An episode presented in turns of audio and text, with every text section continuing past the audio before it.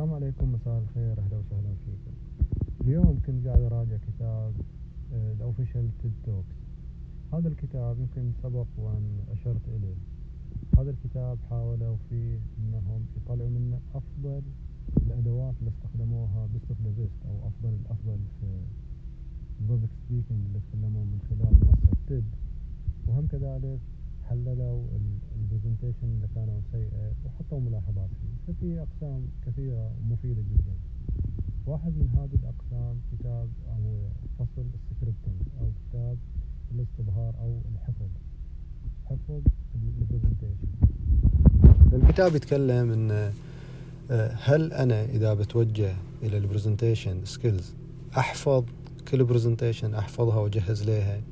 ولا لا ما أحفظها عشان أتكلم بشكل طبيعي natural طبعا عادة ال presentation skills اللي تكون بشكل طبيعي بشكل natural يكون لها تأثير أكثر لأنه يكون فيها تواصل. التواصل عادة آه، اللي يكون مو formal ما هو رسمي يكون له تأثير أعلى. فإذا قدرت توصل إلى مرحلة في دوراتك التدريبية أو في ال presentation إن أنت تتكلم بطبيعتك بسليقتك ما يحسوا الناس إن أنت كأنك قاعد تحاول تستظهر أو تحفظ أو كأنك تسترجع. ال presentation راح توصل إلى درجة جدا متقدمة في ال presentation skills فعودا على بدء عودا على هذا الجزئية أو هذا الفصل اللي أتكلم عن ال scripting أو الاستظهار. فالكاتب يختصر أو خلينا إحنا نختصر لكم الفصل الكبير هذا. طبعا في أمثلة كثيرة وحط في أسماء كثيرة. لكن خلاصة خلاصة هذا الفصل يقول إن أنت إذا آه، تعتبر إن البرزنتيشن عبارة عن واحد من توجهين. التوجه الأول هو الحفظ التوجه الثاني هو لا يكون عندك فكرة رئيسية وأفكار فرعية وتتكلم بطبيعتك. فيقول إذا بتمشي في الخط الأول خط الاستظهار والحفظ فيقول لابد إن أنت تحفظ فعليا وتتمرن إلى درجة إن اللي حفظته يصير تتكلمه أو تنطقه أو آه، تعبر عنه بحيث إن ما حد يكتشف إن أنت حافظ.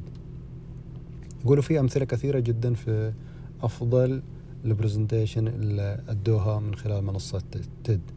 يعني واحدة من أهم ال presentation حق باميلا ماير. باميلا ماير كانت تتكلم عن الكذب و مو مهم في كانت كانت تتكلم أو مو مهم وش الموضوع. المهم إنه كان يبغى يشير هذا الكاتب ان هذه آه، باميلا ماير أخذت طريق الحفظ والاستظهار وتدربت عليه إلى درجة أن صارت وهي تقوله أو تأدي ال presentation ما تقدر تستشعر ولا بنسبة واحد في المية أن هي حافظة. لأن آه، الطريقة هذه أو طريقة الحفظ أدتها بشكل مستمر وبشكل متقن جدا وكررتها عدد تكرارات لين وصلت إلى مرحلة أن هي تتكلم كأنها نتشرال أو بشكل طبيعي.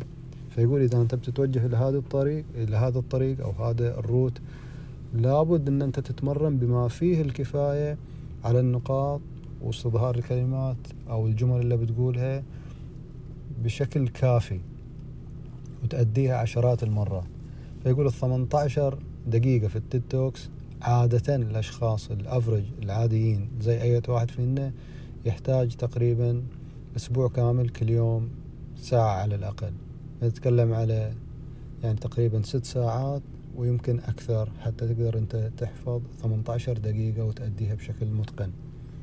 يقول إذا ما كان عندك الوقت الكافي إذا ما كان عندك الاستعداد أن أنت تحفظ أو ما يعني تحس نفسك مو من الأشخاص اللي يحبوا الحفظ لا هذا الطريق لا تمشي فيه أبدا لأن هذا الطريق راح يوديك إلى الفشل.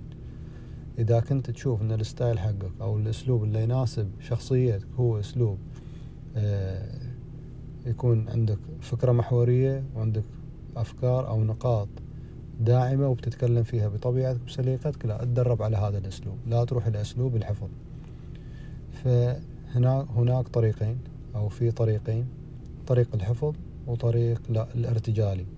فكل واحد فينا الأسلوب يناسبه بشكل أفضل.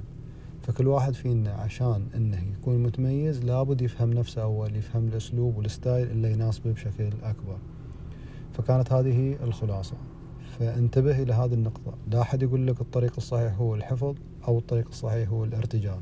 لا كل واحد فينا يناسبه أسلوب وهم كذلك يحكم هذا الأسلوب الوقت الكافي المتاح. وفي النهاية سواء خطيت في الطريق الأول أو الطريق الثاني ال preparation أو الاستعداد أو التدرب والتمرين هو اللي راح يعطيك التميز المطلوب وتوصل إليه.